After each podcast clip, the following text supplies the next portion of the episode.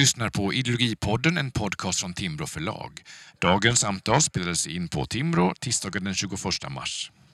Medverkande Christian Abrahamsson som är doktor i kulturgeografi och kulturskribent. Katarina Barling som är docent i statskunskap och verksam vid Institutet för personal och företagsutveckling. Och Håkan Lindgren som är frilansande kulturskribent medverkande i bland annat Svenska Dagbladet, Access och Fokus. Samtalet leds av Andreas Johansson Heinö. Då säger jag hej och god morgon och välkomna till det här frukostsamtalet på Timbro förlag. Jag heter Andreas Johansson Heinö, jag jobbar som förläggare här. Och eh, en gång i månaden så försöker jag dra ihop ett samtal som eh, är lite friare från det övriga vi gör. Det är inte något lanseringssamtal, det är inte någon specifik debatt eller så, utan det ska vara ett samtal mellan personer jag tycker är kul att prata med och som förhoppningsvis ni tycker vore kul att lyssna på.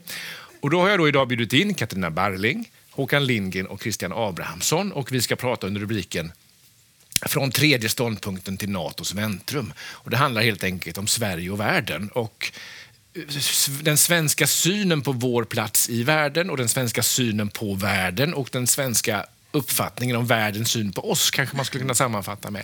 Men jag tänkte för att få lite substans i ingången ska jag be Håkan inleda och dras tillbaka till ett berömt vårtal som ju blev lite av ett startskott för eh, debatt på 1950-talet. Vill du sätta det, igång? Det ska jag göra, men jag tänker komma dit genom en liten omväg. Ja, För jag tror att eh, bakom en hel del av det här som du, som du frågar efter så finns det en liten dubbelmoral som jag ska försöka beskriva. Och den här dubbelmoralen gömmer sig i det lilla ordet utveckling. Utveckling är fint. Vi ska alltid sträva efter att utvecklas framåt, lära oss nya saker, ständigt ifrågasätta våra egna reaktioner, vara beredda att erkänna att vi har fel, överge alla gamla traditioner så fort det kommer nästa nya spännande grej. Och den här inställningen kan man tycka mer eller mindre bra om. Men den förvandlas till dubbelmoral i samma ögonblick som Sverige blir ett invandrarland. För minoriteterna gäller plötsligt andra regler. Deras traditioner, kultur och identitet är unika och värdefulla. Varje minoritet ska helst bo i ett patriarkalt Skansen, ett museum över de traditioner som de föddes in i. Våra traditioner är fejk, förmodligen importerade från Tyskland eller Turkiet allihop. Men deras traditioner är rena, ursprungliga och äkta. Det här är Sveriges version av socialism for the rich, capitalism for the poor. Konservatism för minoriteterna och konstant förändring för majoriteten. Och det här är inget recept på ett fungerande mångkulturellt samhälle. Det här är ett recept på bråk.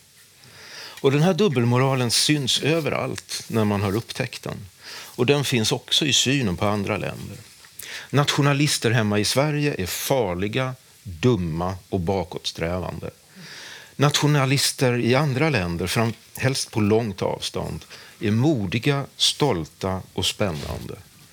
Och den här dubbelmoralen syns framför allt när det gäller aggressivitet. Och det är kanske där som dess verkliga kärna ligger.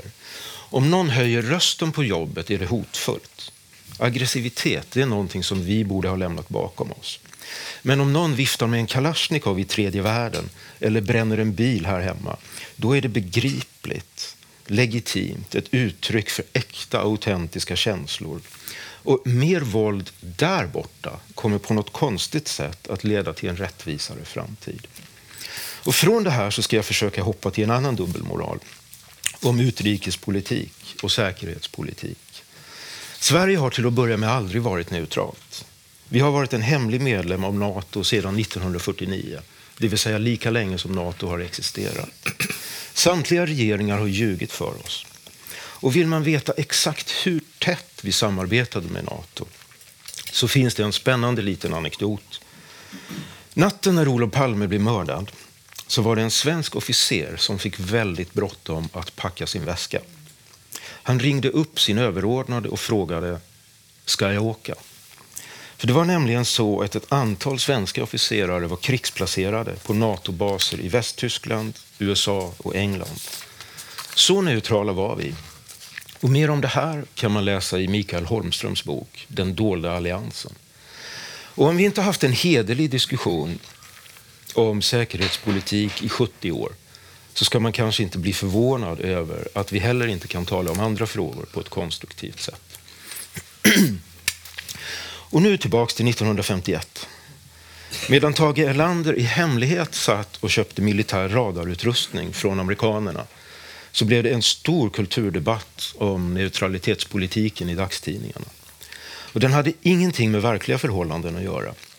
Men när jag gjorde research om det för den här boken så lärde jag mig en hel del om hur debatter förs i Sverige. Och man kan känna igen exakt samma strategier och grepp idag i andra frågor och med andra personer. På kultursidan den här tiden så hade ett tongivande gäng skribenter byggt upp illusionen att Sverige kunde stå fritt från både Sovjet och USA. Den här positionen kallades tredje ståndpunkten. Det var typ som under kärnkraftsomröstningen, att USA är linje 1 och Sovjet är linje 2. Och som goda svenskar så väljer vi naturligtvis en kompromiss, linje 3. Det här var en illusion som man inte fick peta på. Och de mest kända företrädarna idag är förmodligen Karl Wennberg, poet och så småningom litteraturredaktör på Aftonbladet. Och Artur Lundqvist, poet, översättare och med tiden medlem av Svenska Akademin. Problemet med deras neutralitet var att den var falsk. Regeringen Erlander hade redan valt USA utan att meddela kultursidorna. Men den var falsk också på ett annat sätt. Wennberg, Lundqvist med flera låtsades företräda en förnuftig, neutral ståndpunkt medan de i praktiken var ganska Sovjetvänliga. Den hårdaste kritiken riktade de alltid mot USA och Sverige medan de betraktade Stalins Sovjet med välvilligt intresse. Och Det finns många roliga citat i mitt kapitel i den här boken för den som vill fördjupa sig i det. och Vad de gjorde var att de upprättade en falsk ekvivalens. Visst, det finns ingen demokrati i Sovjet men å andra sidan finns det heller ingen riktig demokrati i USA eller Sverige, sa de. Och bråket uppstod 1951 när Eivind Johnson fick nog av den tredje ståndpunkten och förklarade att Sverige borde höra hemma med USA och att de här tredje ståndpunktsmänniskorna var en sorts förklädda Sovjetvänner. Mycket svårare att bemöta än de som öppet står för att de håller på Stalin. För det så blev han kallad krigshetsare och Goebbels och en mängd andra trevliga saker. Karl Wennberg skrev att Eivind Johnson trampade omkring med SA-stövlar. Och vad kan man lära sig av det här? 50-talet var inte den gamla goda tiden när rationella argument vägde tyngre än att jämföra någon med Goebbels. Men man kan framförallt lära sig så här funkar svensk offentlig debatt. Man etablerar en falsk förnuftig medelväg och alla som befinner sig utanför den är redan från början utdefinierade ur det civiliserade samtalet. Det här gällde Jonsson, det gällde Tingsten, det gällde Vilhelm Moberg. Alla som avviker en liten aning från den här medelvägen framstår automatiskt som extremister. Och fördelen med det är att alla diskussioner är avgjorda på förhand. Jag tror att ni känner igen det här mönstret. Tack så jättemycket Håkan för en strålande inledning och många trådar som jag tänker vi ska kunna återkomma och dra i. Jag skulle börja med att stanna kvar då i början på 50-talet och vill jag både ge Katarina och Christian små inblickar. Katarina, du kom ju också med en bok förra året på ett annat förlag tillsammans med Cecilia Garme som heter Saknad. Och där skriver ni bland annat om Herbert Tingsten och eh, hans syn på en del av de här frågorna. Och ni använder ett begrepp där som är kallelsenationalism, som var han det är hans begrepp. Ja. Vill du utveckla lite av det och koppla ihop det med... Ja, nej men det är, det, tack. Otroligt intressant. Och Det finns väldigt många beröringspunkter här, just som du är inne på, med det Tingsten skriver. Bland allt det Tingsten skrev så kom han också med en bok 1969 som heter För Gud och fosterlandet. Jag kan varmt rekommendera den. Den är enormt intressant. Eh, det är en undersökning, men väldigt eh, roligt skriven då, på Tingstens vis, över skolböcker. Han har studerat skolböcker i olika länder från 1850 till 1950 just då. Eh, däribland svenska, men även tyska, österrikiska, franska och några till. Eh, och då upptäcker han där tre typer av nationalism, som han kallar det. Och med nationalism, för det är ju ett svårdefinierat begrepp som vi vet. Eh, du var inne på en del komplikationer här, men det som han ser som nationalism det är den här föreställningen om att man är bättre än andra. Den egna nationen är överlägsen andra nationer. Och då, den den så säga, lägsta formen, man ska säga, det är då det han kallar för underlägsenhetsnationalism. Och Det är det han menar präglar framför allt Sverige eh, den här perioden under de här hundra åren. Och det är den här insikten då, föreställningen om, eventuella insikten om att man är underlägsen andra. Man har inte så mycket att komma med. Men det gör då att man, måste, man vill, behöver hävda sig på olika sätt. Eh, och det menar han att Sverige har gjort och lyfter fram sin kultur och litteratur och, och natur inte minst. Eh, samtidigt som det också, som han skriver, det finns något lösligt över den här svenska nationalismen. Det finns liksom ingen riktig kärna utan den är lite överallt och far. Sen så kommer han in på det här med då kallelsenationalism som du nämner. Och kallelsenationalismen det är någonting som han ser spår av i den här underlägsenhetsnationalismen i Sverige, alltså rent empiriskt när han undersöker det, så ser han spår av kallelsenationalism också. Och kallelsenationalism, där är det så att man uppfattar det som att man har en kallelse som nation, en mission. Man ska, man ska, man ska gå före, man ska visa ett gott exempel. Och det känner vi igen väldigt tydligt idag. Vi ser det ju, men Tingsten anar det och han anar att det är på gång också i Sverige. Men den här undersökningsperioden sträcker sig ju inte längre fram till 1950. Men han är ju en, en klok person så han anar att vartåt det barkar då. Även om det inte har blommat ut fullt ut ändå. Eh, men sen finns det då ytterligare ett stadium och det är det som eh, Tingsten kallar för övernationalism. Och det stämmer väldigt väl överens med det här du beskriver, Håkan. Och övernationalismen den kan man även kalla universalism. Och det är då en nationalism som har gått så långt att den har liksom slagit över i nästan sin motsats. Och det är då föreställningen, övernationalisten ser det som att man själv är mänsklighetens kvintessens. Det är vi som är så att säga, urtypen för hur det är att vara människa. Det är eh, då övernationalistens perspektiv. Eh, det är allt som räknas är det individuella. I den mån vi talar om stater så är det bara en fråga om medborgarskap.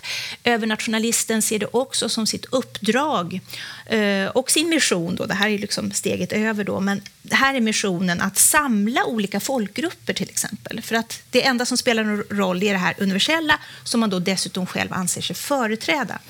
Och det intressanta här det är att för mig var det här en aha-upplevelse för att eh, Tingsten ser det som att det mest tydliga exemplet på övernationalism 1850-1950 det är Frankrike. Och jag har ofta slagits av hur mycket det är som är likt Sverige och Frankrike samtidigt som vi är så olika. Och då insåg jag ja, det är ju det. Vi har blivit idag och nu har vi kanske fått en knäck på det här, men många år, framförallt de senaste 20-25 åren, så har det varit övernationalism som har präglat Sverige. Och i detta ligger då också någon form av falsk blygsamhet och det här hyckleriet som du är inne på. Att man är så övertygad om sin egen överlägsenhet att man klarar av att, så att säga, sätta sig själv på undantag och säga att ja, men inte, det, se på det här folket, de är mycket mer framstående. Den kurdiska nationalismen, vad fin den är, medan den här nationalismen vi står för, den är fruktansvärd. Det är precis i linje med det här du beskriver. Och när man läser Tingstens beskrivning av den franska övernationalismen så är det som, det är som att han har satt upp en som checklista över olika komponenter som man kan känna igen i det svenska och som väldigt välgestaltat här i, i Håkans beskrivning. Man är så övertygad om att man är bra att, och bäst att man inte har några problem att lyfta fram andra. Ja, ja, vi, och här utvidgas ju då till den västliga hemisfären. Alltså man tänker så USA kan man hacka på, men Sovjet, ja, men vi måste förstå och så där. det, eh, det är lite grann, jag brukar jämföra med lite grann som en förälder som säger till barnet som kommer där med någon tafflig teckning, åh vad fint du ritar, du ritar mycket bättre än jag. Och det är lätt att säga, för man har överlägsenheten. Men skulle när det väl sätts verkligen på prov det där, då är man ju inte beredd att stå för det heller. Och det är väl det vi ser idag tecken på. Christian, du går in i det här från, från perspektivet som eh, geograf och har studerat hur geografer har sett på de här frågorna vid olika tidpunkter. Och du gör nedslag i en konferens. Ja, två konferenser. Två konferenser. Två konferenser. Den första är i början av 50-talet. Ja, i, i, Uppsala och den andra i Lund i, eh, ja, i början på 60-talet. Alltså, jag har väl tänkt väldigt mycket på de här frågorna kring hur vad vi skulle kunna kalla för en, alltså den socialdemokratiska hegemonin etableras i, i egentlig bemärkelse efter kriget. Eh, det är väldigt många projekt som sätts igång före kriget men som på grund av kriget inte kan genomföras. Och jag tänker då framförallt på, på ombyggnaden, eller alltså den regionala och urbana planeringen där man helt enkelt försöker rita om omforma de fysiska strukturerna eh, så att människors livsvärldar på något sätt ska... Vad kan man säga? Att de, att de ska bli... Hittar bara det engelska ordet aligned med den här socialdemokratiska visionen av det goda samhället. Och det här första mötet som jag skriver om är ett möte i Uppsala eh, i maj 1951. Eller om det är 50, förlåt jag kommer inte ihåg på rak. Det står till och med i, i titeln på, på kapitlet. Som är de första mötena med det då nyligen startade samhällsvetenskapliga... 50. 50. Eh, det samhällsvetenskapliga eh, forskningsrådet ordnar en dag i Uppsala för olika discipliner där de ska liksom kunna visa då hur de ska nyttiggöra sin forskning.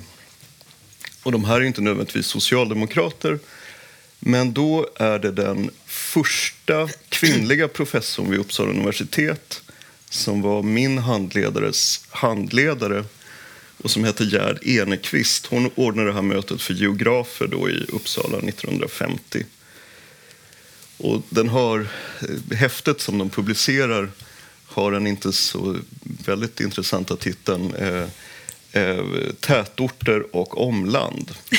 eh, och hela idén med det här det är egentligen att, att Sverige ska rationaliseras. Alltså det, det, för att Sverige ska kunna rationaliseras så måste man omforma då den fysiska geografiska strukturen. Och det handlar framför allt om administrativa enheter men även om handel och utbildning och så vidare. Och så vidare. Så att här, det här ligger sedan till grund för de stora kommunreformerna i Sverige. Jag kommer ihåg att jag talade med en man som faktiskt hade lissat på 50-talet för just Gerd Enekvist, som hette, en man som hette Björn Boseus. När jag talade med honom var han måste ha varit 97 eller 98 år gammal och ville sitta kvar på en, på en eftersits på kulturgeografen. Han uttryckte det som att han var på rymmen från sin hustru. eh, men han var väldigt intressant att tala med. Han, han hade som väldigt, väldigt ung nybliven magister från Uppsala fått jobb på det departement som då var ansvarig för de här omdragningen av kommungränser och så vidare i Sverige. Så han åkte runt i Sverige som kanske 27-åring, 25-åring, någonting sånt och ändrade kommungränser. Och många gånger var de här kommungränserna var väldigt, väldigt gamla och de var liksom satta i folks tankevärld om hur man förhöll sig till grannar, hur man förhöll sig till kyrksocknar, hur man förhöll sig till en mängd olika saker. Och det gjorde den här då begåvade unge mannen. Och han sa det då när han var 96 eller 97 att, att han fortfarande var lite paff över den makt som hade liksom landat i knät på honom där på 50-talet. Och vilken respekt alla visade för honom. Eh, men mitt kapitel handlar också lite grann om hur de här idéerna har färdats. För det, de idéerna som de grundar sig på är idéer som är ungefär, när, ungefär två decennier äldre än det här mötet i Uppsala och de eh, utvecklas då i Tyskland. Eh, framför allt det första, det handlar om lokaliseringsteorier och lokaliseringsekonomi och så vidare. Och eh, en av de huvudgestalterna i utvecklingen av de teorierna var en geograf som hette Walter Kristaller Kristaller var en ganska sorglig figur som alltid var fel på något sätt. Han, ideologiskt fel. Han var socialdemokrat 1933 så han cyklade över gränsen till Frankrike för att fly. Sen cyklar han tillbaks några veckor senare. Sen gör han karriär som nazist. Men sen efter kriget i Västtyskland blir han kommunist. Så han är liksom aldrig, han är aldrig riktigt i fas på något sätt. Men, men han skriver sin första avhandling då i Bonn 1933 där han utvecklar den här centralortsmodellen som är en slags hexagonmodell för att liksom, optimera geografisk lokalisering av administrativa enheter. Det är välkänt och det vet alla geografer om. Vad svenska geografer vet mindre om är att han 1937 eller 38 skrev en habilitationsavhandling i eh, Mainz Eh, där han arbetade för en professor som skulle starta ett kommunforskningsinstitut Och den här professorn var en jurist eh, som var ansvarig för judendomen i, i lagskipningen. Så han var ju liksom en högt uppsatt SS-person, den här professorn. Och här blir Kristallers forskning mycket, mycket mer politisk. Och efter den här habilitationsavhandlingen så började han arbeta för en, en man som heter Konrad Mayer. Konrad Mayer var agronom, professor i agronomi och arbetade för Heinrich Himmler. SS också, eh, Konrad Mayer. Det han gjorde för Heinrich Himmler var att han utarbetade en plan för det ockuperade Östeuropa ända fram till i princip Uralbergen. Generalplan Ost. Hela Förintelsen, allt som sker under Förintelsen äger rum under Generalplan Ost. Eh, och det är, läser man de här dokumenten så det är väldigt skrämmande läsning för att det blir väldigt tydligt, tydligt att Förintelsen var inte mål, slutmålet utan slutmålet var att man skulle mörda i stort sett alla slaver eller fördriva dem. Det finns liksom helt bizarra idéer om att man ska spara några som man ska ha på ett museum. I Krakow fanns ett museum där man skulle spara vissa människoarter eh, eller raser eh, och så vidare. Det här arbetar då kristaller för under kriget. Jag brukar säga att det enda stället, förutom några hektar runt Auschwitz, så bygger man olika mönsterbyar. Eh, Alltså den, mm, huvud, grundenheten var en tysk, en tysk dorf, en tysk by som man skulle reglera storleken och så vidare. Eh, SS-soldaterna eh, hade i, det låg i SS-soldaternas liksom, kontrakt att de skulle tilldelas mark i Östeuropa efter kriget. Så det här skulle då koloniseras med arier. Himmler pratade ju som bekant om att den, den, liksom, den ariska rasen skulle inte vara fullbordad förrän som tusen år. För det skulle krävas så mycket avel och så vidare för att liksom bli av med alla, alla osunda eh, inflytanden. Jag brukar säga att det enda stället förutom de här området runt Auschwitz där Kristallers idéer förverkligades är delvis i Sverige. Och de här idéerna då, det intressanta är att idéerna kommer till Sverige egentligen helt otvättade. Långt in på 70-talet så var det här oerhört kontroversiellt att påpeka. Så att när Kristaller 60, 1968 blir hedersdoktor i Lund då är det stora problemet som professor Torsten Hägerstrand och som var, också var med på det här mötet och Edgar Kant, en estnisk geograf. Det största problemet de hade då det var att Kristaller hade varit dum nog att bli kommunist efter kriget. Inte att han hade arbetat åt Himmler under kriget. Så, att, så varje gång någon lyfte de här frågorna så sent som på 80-talet så blev de här människorna helt rasande. Internationellt också. Så att jag vet till exempel en kvinnlig geograf, tysk geograf som fick sin karriär förstörd så sent som på 80-talet för att hon forskade om det här. Nu är hon hög chef på Unesco så det gick ju bra för henne. Men, ja. men det är ungefär det jag... Ni har, ni har ju alla tre nu gjort eh, ett antal nedslag här i, i mindre smickrande delar av vår moderna historia kan man säga med olika inblickar och påpekar dubbelmoral och tvetydighet och ängslighet och liksom, eh, en öppenhet för totalitära idéer kan man väl mm. sammanfatta det som. Och så. Eh, är, är det här på olika sätt då representativa bilder av en tidsanda. Vi befinner oss ju här efter kriget, de här decennierna, där, där Sverige... Du tar ju avstamp, Håkan, här i att Sverige blir ett invandrarland. Det är en stor demografisk förändring. Någonting stort händer. Eh, andra saker händer också på den här tiden som är alltså, den, den obrutna tillväxten, den enastående ekonomiska utvecklingen under flera decennier och så vidare. Eh, den typen av faktorer mot ett land som inte hade haft en motsvarande utveckling tidigare, det vill säga lite migration, länge ett fattigt land och så vidare. Är det, är det någonstans här man ska söka ursprunget till att vissa idéer kan få så radikalt genomslag och dra till sin spets så mycket i Sverige kanske? Förstår ni lite vad jag är ute efter? Mm. Vad tänker du, Katarina?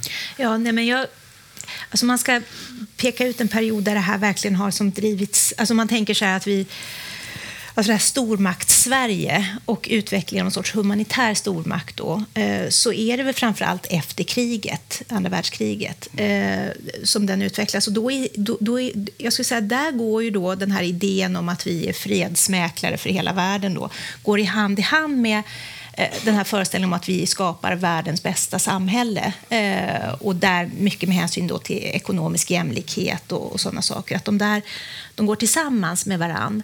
Eh, samtidigt som det också har funnits motrörelser förstås, som ni skriver väldigt intressant om i boken. också. Alltså det är ju inte enhetligt så. Men jag skulle säga att ekonomin spelar väldigt ro stor roll här. Det, det, går inte att säga att det ena eller det andra, utan de här går tillsammans. Eh, men också det här, jag, någonstans så... Det finns den här stormaktsidén i Sverige. Ehm, som, som, som har, har, djupa rötter. Men också skulle jag säga en sorts kombination av det tänkandet tillsammans med det här ingenjörstänkandet som finns i det svenska också. Det här att saker, det här Christian beskriver så, så träffande, alltså det här man kan ordna saker och ting. Och det får mig att tänka på det här, alltså vår, vår alltså någon sorts mentalitet eh, i det svenska som, som, som, finns också i det tyska, på gott och ont. Att ordna saker och ting. Och Det ligger också i den här övernationalismen. Att ja, men vi kan ordna en stat, vi kan organisera fram en stat genom att vi förstår det här bättre än andra. och Så, där. Mm. så att, eh, det, det, är många delar i det där för att förstå det. Det är inte bara ett stormaktstänkande, utan det finns också en sorts här, en ingenjör inblandad i det där, vilket också kan göra det väldigt obehagligt och omänskligt eh, samtidigt som det också förstås kan bli effektivt. Då. Mm. Jag tror att det finns, när det gäller sånt här att det är alltid en mängd olika faktorer som, som vävs ihop eller flätas ihop. Och att det kan vara intressant men också svårt att reda ut det här i efterhand. Det är därför, de, det är därför vi är här. Det är därför vi är här. Så inte, inte för lätt, jag är inte säker på att jag kan fixa det på en timme. Men en av de grejer som händer under 1900-talet är också att det blir ett väldigt stort skifte, tror jag, i Sverige från att vara ett ganska litet, ganska stelt konservativt land till att plötsligt så fattar vi att vi ska vara världens mest moderna land. Mm. Allting som är nytt helst utländskt, det är det som gäller. Mm. Det finns en anekdot kring det här.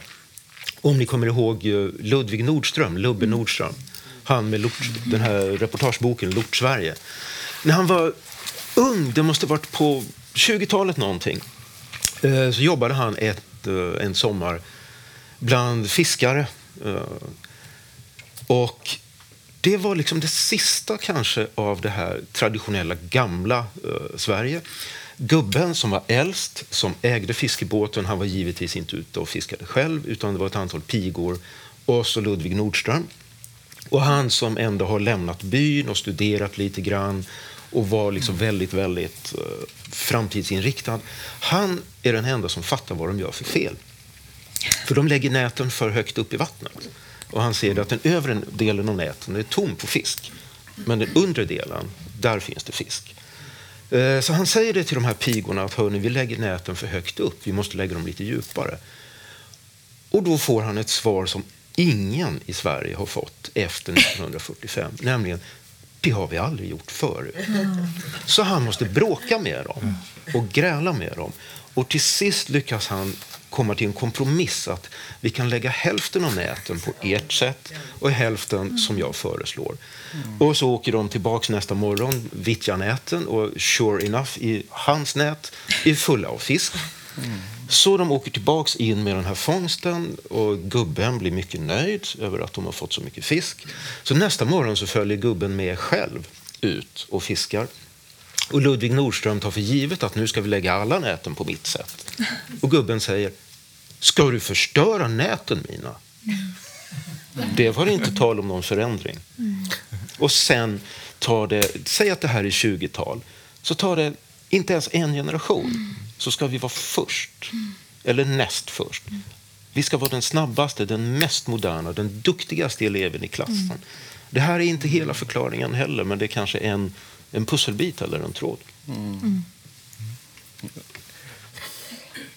Alltså jag, jag, vet inte. Jag, jag, jag, har levt utomlands väldigt mycket eh, sen jag var barn delvis. Men, men jag räknade häromdagen och kom fram till att jag har levt i vad blir det, nio, tio länder i olika kultursfärer. Så där. Men, men bara västländer, in, inte några andra länder. Men, jag, men, men jag, varje gång jag kommer tillbaka till Sverige så har jag upplevt en enorm en chauvinistisk attityd som många gånger har varit direkt stötande. Jag kommer ihåg jag kom tillbaka till Uppsala universitet som doktorand efter att jag hade varit på Berkeley i ett år. Och det var så illa att jag var tvungen att gå i, i det borde jag kanske inte erkänna, men jag var tvungen att gå i terapi. För att jag, det var, krocken var så stark mellan det här amerikanska sättet att vara och det svenska sättet att vara. Och det svenska sättet att vara, det var liksom verkligen att eh, ta ursäkta att jag svär, för fan inte upp några obehagliga ämnen i fikarummet. Passa in, fixa ingenting själv. Eh, jag kommer ihåg en, en, professor som, när han förstod att jag och några dok doktorandkollegor hade, skulle ordna ett internationellt symposium så blev han helt vit i ansiktet. Han blev senare prorektor i Uppsala för övrigt. Men, men han, då kände han en kontrollförlust. Helt plötsligt har vi de här doktoranderna som vill göra saker och doktoranderna var så här, jag åker inte på någon konferens om jag inte får allt betalt. I USA så liksom åkte de och de förstod någonting som Sverige var helt frånvarande. Och det här tror jag grundläggs... Det, det är någonting gammalt, men det grundläggs också i en förändring som äger rum på, under de här rekordåren som jag inte tror riktigt fanns för jag brukar säga att liksom, den stora förändringen i Sverige äger rum på 1880-talet. Det är då de liksom, moderna institutionerna skapas. Vi får sakkunnigreglerade tjänstetillsättningar på universiteten. Eh, entreprenörerna, eh, industrialisterna börjar komma, liksom, rinna till. Sverige är fortfarande väldigt fattigt i början på 1900-talet. Men det socialdemokratiska arbetarpartiet har haft en, ett enormt intresse i att i en historieskrivning som gör att allt det här börjar egentligen med Saltsjöbadsandan. Det här är en socialdemokratisk skapelse, det som äger rum på 50-talet. Vilket jag menar är, liksom, det är delvis sant, men det är också en, en halvsanning, så att säga. Det är de stora verkstadsföretagen det är, som inte är socialdemokratiska skapelser i till exempel Västerås eller i Bergs, alltså andra ställen i Bergslagen. Varven i Göteborg och i, i Malmö och så vidare. Och den här verklighetsbeskrivningen resulterar i en liksom extrem chauvinism som jag tror ibland har varit skadlig, direkt skadlig för Sverige.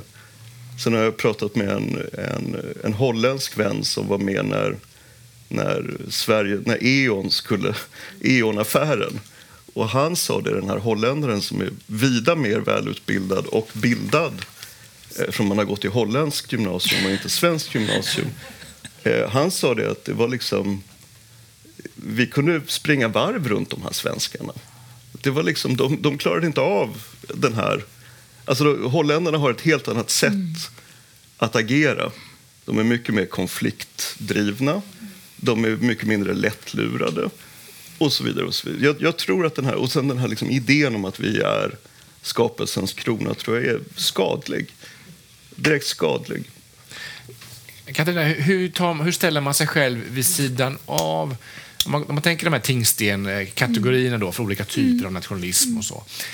Eh, de kan väl vara kritisk mot och man kan betrakta, mm. försöka, men, men eh, som, vad skiljer det då från när Christian här då mm. också pratar om problemet med svensk kultur och vi holländarna är bättre och, och så vidare. Mm. Alltså, hur hittar man en position där man kan se det där. Ja. Alltså, är det möjligt ens att frigöra sig från något av det här? Eller är vi, är vi för evigt fast i någon av de här kategorierna? Ja, jag tror Christian har, o, för att vara svensk, ovanligt mycket distans då till det svenska och kan betrakta det olika, av olika skäl som man är inne på här. Uh, nej men alltså det där är, jag, jag, funderar också när jag hör er här, det är jätteintressant, så, så funderar jag också på det här med underlägsenhetsnationalismen. Och den här också bara påminna om det som jag inte tror att vi har nämnt. Alltså för hundra år sedan och drygt hundra år sedan, antal decennier, så var den stora frågan i Sverige också migrationen. Men då var det ju emigrationen. Att människor ville lämna Sverige. Och det kan man också fundera och Gustav Sundberg där skrev sin immigrationsutredning och liksom hyllade den här svenska... Ja, men det är lite som, som Almqvist, den här eh, ödmjuka, eh, försynta nyponrosen som det svenska är. Så en sorts falsk blygsamhet i det hela. Vi är så, vi är så ödmjuka och vi är, så, vi är inte värda mycket, men vi, vi är så ödmjuka. Alltså det, det är något dubbelt i det där. Och, så det, det, är ju väldigt intressant att notera där, tycker jag, då, att det här kan möjligen, alltså den här chauvinismen, som jag verkligen håller med om, eh, och som jag tycker också när man talar med människor från andra länder, så är ju de ofta väldigt artiga. Så de säger åh, ni är så fantastiska i Sverige, ni är så långt framme. Och då tycker ju svenskar så åh, de tycker vi är världsbäst. Men då har de möjligen inte förstått att, apropå det här med kulturer, att i många andra länders kultur så ligger det att det är en hövlighet att berömma ett annat land, även om man inte tycker de är bäst i världen. Så.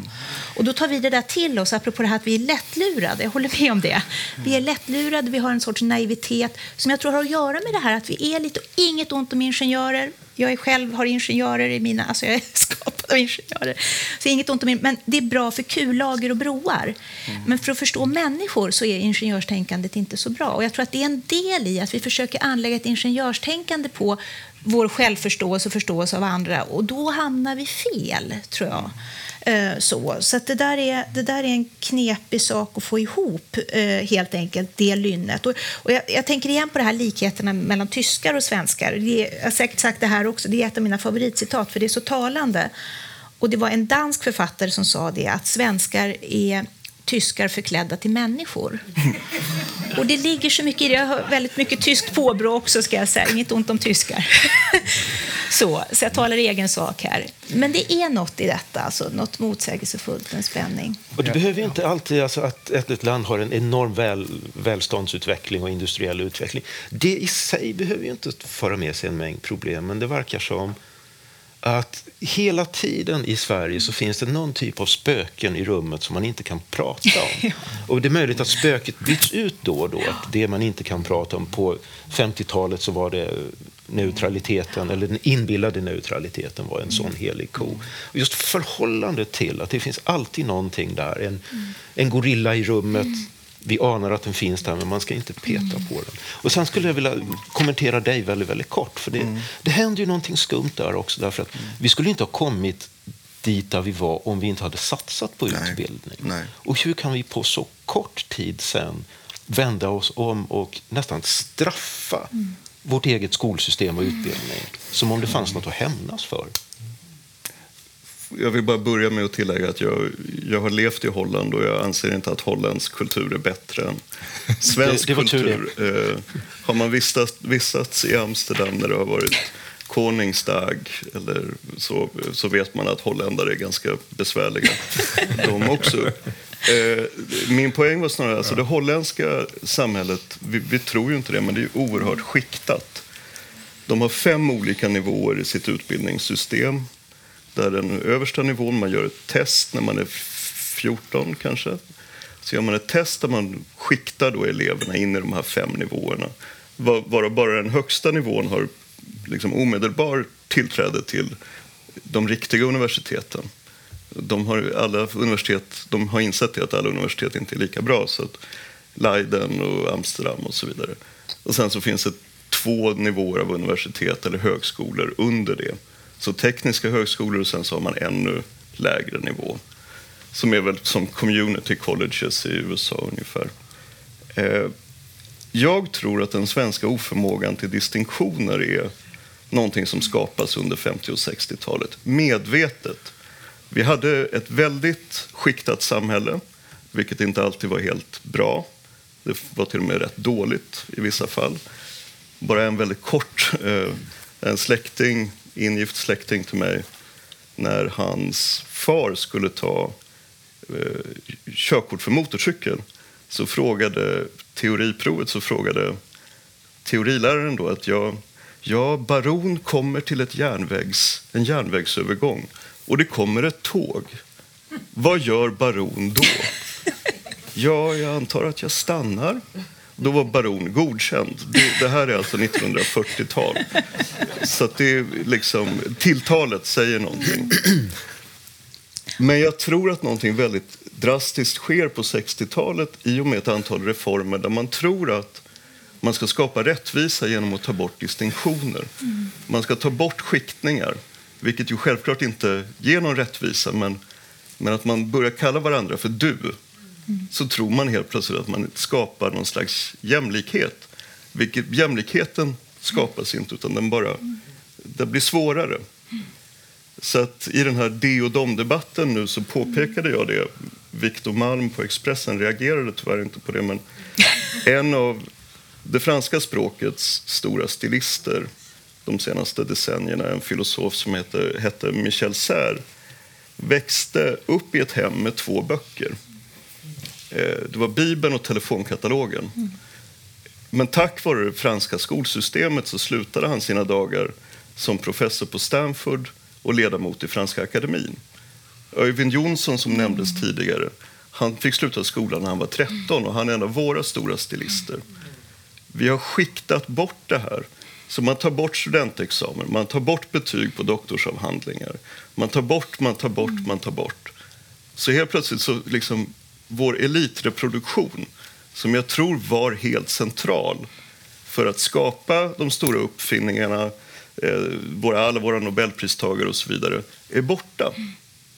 Så att eh, en god vän till mig som är professor i fysik, numera i Japan, eh, han berättade om ett samtal han hade haft med, nu glömmer jag tyvärr hans namn, men en av våra nobelpristagare som också har varit rektor för Rockefeller University i New York, ett av världens främsta universitet.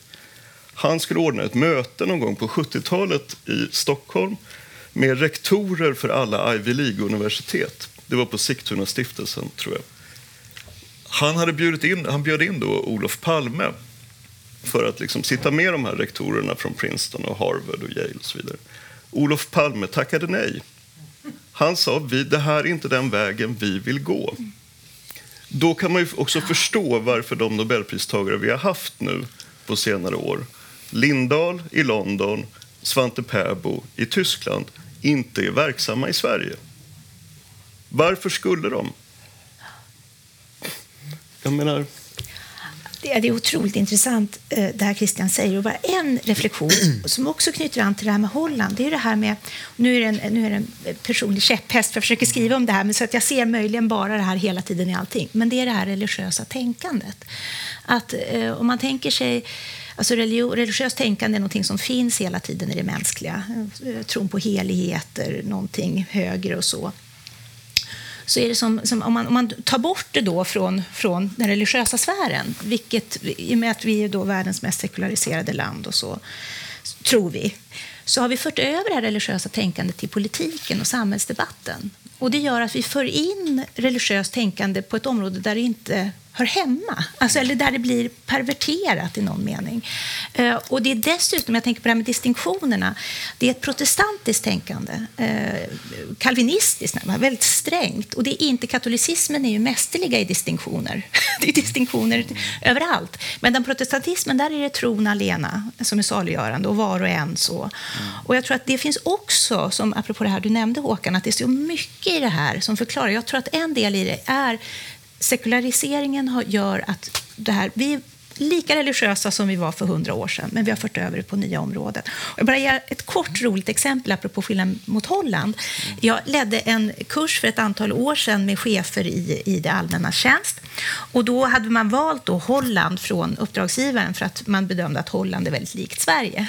ja, ni förstår, det var ju inte det. Det blev en total kulturkrock. Och bland annat var det så att vi skulle studera då framgångsexempel, hur man hade, hur man hade fått framgångsrik integration på olika områden. Och då hade man skapat en, man hade, det var någon miljardär som hade donerat en villa och där man hade fått till en väldigt, väldigt fin verksamhet och det funkade jättebra. Man hade fått, det var verkligen ett framgångsexempel. Och då så ställer de svenska cheferna där så här vänligt så här, ja, hur, hur, hur har ni utvärderat det här? Och det blev en kvarts begreppsförvirring där. De förstod inte varann. Så här. Och till sist så säger en svensk chef lite desperat så här, ja, men hur vet ni att det funkar? Mm. Och hållande sig, för de hade inte skickat ut några utvärderingar, det hade inte gjort några enkäter, ingenting så här. Och då sa holländaren så här helt förundrat här, ja men det märker vi ju. Och, och där också, det tänker jag också apropå det här med skillnaden mot Holland. Holland är intressant för att vi är lika på vissa sätt men också väl, och Holland, där finns ju religionen väldigt nära. Det tänker ju inte vi i Sverige på. Vi tänker, ja, men de är ju toleranta och liberala, då kan de ju inte vara präglade av religion. Jo, i högsta grad. Får jag kroka på det där? För att, eh, det finns en bok om 70-talsvänstern som heter Mao i Sverige. Jag tror är det Ingrid Wollgren. Ja, men numera Ingrid Dunér. Just. Och när jag läste den där så fick jag för mig att för hundra år sedan så hade de här människorna varit frikyrkliga. Selma Lagerlöf hade kunnat skriva en, skriva en roman om det här. Alltså det, är samma, det är samma mentalitet, att du blir frälst av någonting. Och vad händer när du blir frälst och du kommer, du kommer kanske som ny till församlingen? Jo, du måste visa de andra att din själ är ren. Och det här blir väldigt lätt en sån här tävling i holier than thou. Och det ursprungliga, vad det ursprungligen egentligen skulle handla om, social rättvisa eller någonting annat, blir så småningom ett sekulärt, eller sekundärt mål. Och jag tror att en ingång ytterligare för att förstå det här är just att gamla, om inte protestantiska, så kanske frikyrkliga mentaliteter ligger kvar som ett gammalt järnvägsspår i marken. Oh, ja. Och på det här järnvägsspåret så kan du köra vagnar lastade med annat ideologiskt eh, gods. På 70-talet så var det Mao. Senare så kan det vara någonting annat. Och Wollgren skriver i den här boken att en, en populär grej i de här Kina-bulletinerna och tidningarna som berättade om Kina för de trogna och troende. En typisk historia som återkom var att man skulle bygga någonting stort, säg ett vattenkraftsprojekt, en kraftverksdamm eller någonting. Och då kommer det en boklärd ingenjören från staden och förklarar att det här är omöjligt. Och det som händer sen är att bönderna, de kinesiska bönderna kavlar upp ärmarna och bygger det här på rekordtid och liksom sen pekar finger åt den här ingenjören. Alltså, Se där vad folket kan göra. Nu kan du gå hem och skriva ett nytt kapitel i din bok. Och vad jag tror är att det här fick en enorm resonans bland svenskar som själva hade bönder på en eller två generationers avstånd. Och det hade egentligen inte med politik att göra, utan med andra grejer. Ja. Ja, nej, jag- alltså, en- en av mina teser är ju att det är först 1950 som den svenska befolkningen är 50% urban, 50% rural. Det är väldigt sent i europeiskt europeiskt perspektiv. Eh, och jag brukar säga det att, eller en sak som jag ofta återkommer till är att vi på grund av eh, vår historia och en relativt fattig historia dessutom med rätt så stark överhet i vissa delar av landet så har vi haft en väldigt lågt utvecklad eh, strejkkultur. Alltså en slags kampkultur där vi har insett också att, att det sociala inte bara består av konsensus och gemenskap, det består också av olikheter och kamp. Alltså det som Jörgen Habermas talar om som en borgerlig offentlighet som har varit mycket, mycket mer dominant om man tittar på det danska kulturområdet. Det holländska är extremt mycket så. Jag har aldrig blivit så förolämpad dagligen. Det, är det holländska, det är i och för sig det holländska lite bondska mentaliteten att man, att man säger taskiga grejer till varandra och så ska man skratta åt det. Och skrattar man inte så är man sådär. Eh. Men i Sverige så har vi haft väldigt lite av den där borgerliga offentligheten. Och jag, jag tror, uppriktigt sagt, att vi hade mer av det när elitformationen var mer principfast och mönsterbildande. Jag har skrivit om Stig Strömholms bok Sverige 1972, är det väl, eller 73 där han, liksom, han börjar se profetiskt också hur den svenska elitreproduktionen håller på att braka samman totalt för det finns inget mönsterbildande i den svenska elitreproduktionen. Det blir liksom de unga männens kamp.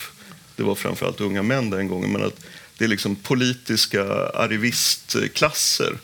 Det här ser vi ju jättetydligt i, i, liksom de, i den kaderbildning som sker i Palmes regeringar under 70-talet och som fortsätter att ske. Liksom den här typen av politiker som är liksom nästan som en kondottier som man kan skicka runt. Och, ja, de, de har ingen kärlek till verksamheten nödvändigtvis. Generaldirektörer finns det gott om exempel på eh, sådana. Jag ska inte nämna några namn, men, men ni kan väl föreställa er åtminstone ett exempel som, semestrade på Kanarieöarna. Eh, I den typen av personlighet. Alltså den, den här lite trista, byråkratiska typen försvinner. Vi tar bort, alltså tjänstemannaansvaret försvinner. Det blir liksom en, en mängd olika förändringar under 70-talet som gör att den här strejkkulturen blir ännu sämre. Alltså den var, jag tror att en sån som Tingsten till exempel, han njöt av det. Det var någonting som verkligen han gick igång på. Ni känner till historien om att han älskade att brottas till exempel. Det finns en sån berättelse om när han sitter på, i någon av, jag tror i Cadierbaren på Grand Hotel. Och så kommer Erik Lindegren in. Han sitter med Nobelpristag, eller förlåt, akademiledamoten Gunnel Wallqvist. Wallqvist. Han sitter och pratar om, Tingsten sitter med henne och pratar om Graham Greene. In kommer Erik Lindegren. Helt plötsligt så far Tingsten upp, brottar ner Erik Lindegren. Eh, så hovmästaren kommer fram och säger professorn, professorn, det här anstår inte professorn.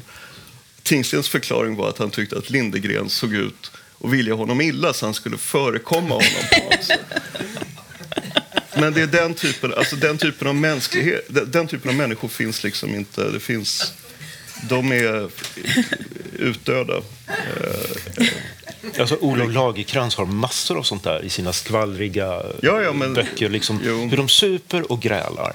och brottas. Det, Det händer, ja. jo, men... eh, Jag tycker vi låter var och en här få läsa in om ni saknar den tiden eller om ni tycker att det var bra att... Den... Jag, sa, jag saknar nog den tiden till viss del. Jag skulle vilja ställa en sista fråga här. Eh, och ett spår som återkommer i era skildringar här är ju hur Sverige då blir ett land och en offentlighet som blickar framåt hela tiden. Eh, Och man kan sätta olika ord på det, men rationalisering, eh, modernitet, förnuftstro och så vidare. Och baksidan är ju att då slutar man blicka bakåt och man tappar intresset för sin historia och förståelse för historia. Och det var väl lite av skälet till den här boken, Radikalism avantgarde, ens gavs ut, att vi uppfattar att otroligt formativa år som det nästan aldrig skrivs eller pratas om. Låt oss mm, för verkligen gå på djupet. Eh, Det är ju ett jubileumsår i år eh, som inte så många jag, uppmärksammar. Eh, det är ju eh, 500 år sedan Gustav Vasa och starten kan man säga på Sverige som nationalstat. Jag skrev en text om det i början på året och då roade jag mig med att gå tillbaka och se hur, hur skildrades det här för 100 år sedan, när, när det fyllde 400 år.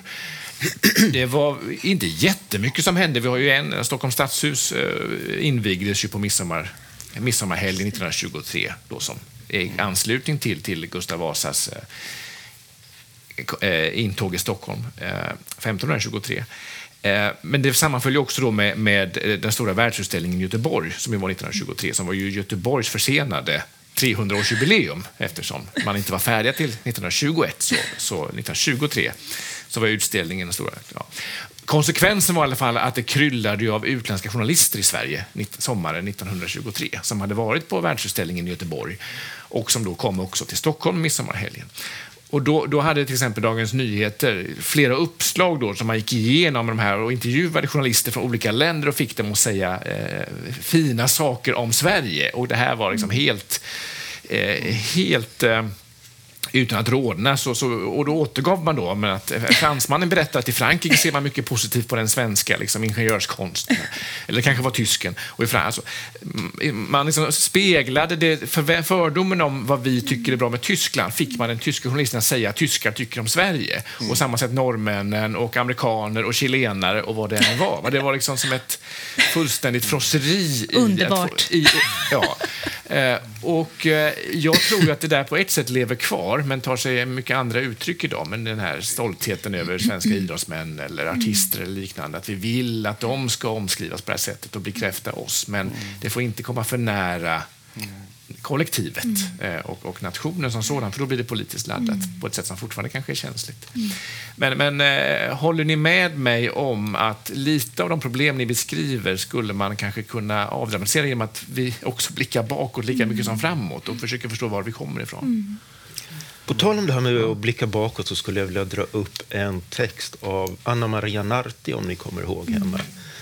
Eh, Just vad det gäller att kunna sin historia. Hon kom till Sverige på 70-talet från Rumänien och hon skrev att det var en kulturchock att komma från Östeuropa till Sverige. För att då så var vi redan i full gång med att, vad ska man säga, avskaffa vår egen historia. Den var inte längre viktig. Historien var liksom nationalistisk. Den var liksom elitistisk. Om du kan litteraturhistoria så, så är det liksom på något vis ett försvar av det gamla dagsborgerliga samhället. Och hon skrev en text i tidskriften Artes mitten på 80-talet som jag fortfarande går och tänker på. Där hon säger att det är precis tvärtom. I ett land där man avskaffar sin litteraturhistoria, där man inte längre kan sin historia, där kommer ni snart att ha rasism. Ni kommer att ha folk som letar efter syndabockar. Ni kommer att ha häxjakt. I ett land som inte kan sin historia så kommer det att växa upp en sorts resentiment, missnöje, irritation, frustration. Och den poäng jag vill göra är att fem år efter att hon skrev det grundades Sverigedemokraterna. Du blir inte nationalist, menar hon, för att du kan för mycket om ditt lands historia. Men risken är att du kan bli en nationalist av den obehagliga revanschistiska sorten för att du inte kan ditt lands historia och att du är fylld av okunskap och resentiment. Det där tror jag blir alldeles utmärkta avslutningsord, för vår tid är nämligen slut. Eh, eh, tack så jättemycket Håkan Lindgren, Katarina Barling, Christian Abrahamsson. En stor applåd till, till dem.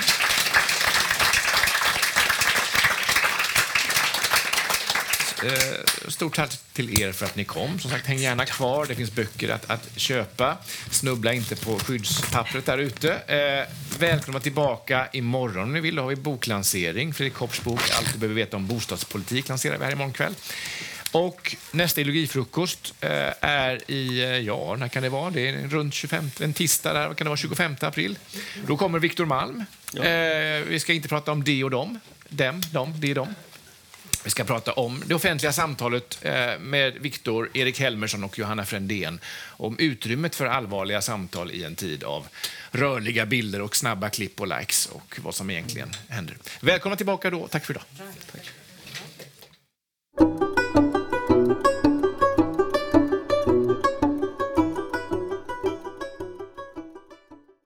Du har lyssnat på Ideologipodden, en produktion från Timbro förlag och Timbro presenterar. Inspelning och redigering av Johan Skugge, musik av Anders Meisner, Chilla Gorilla. Du hittar den här och alla våra andra poddar på timbro.se podcast.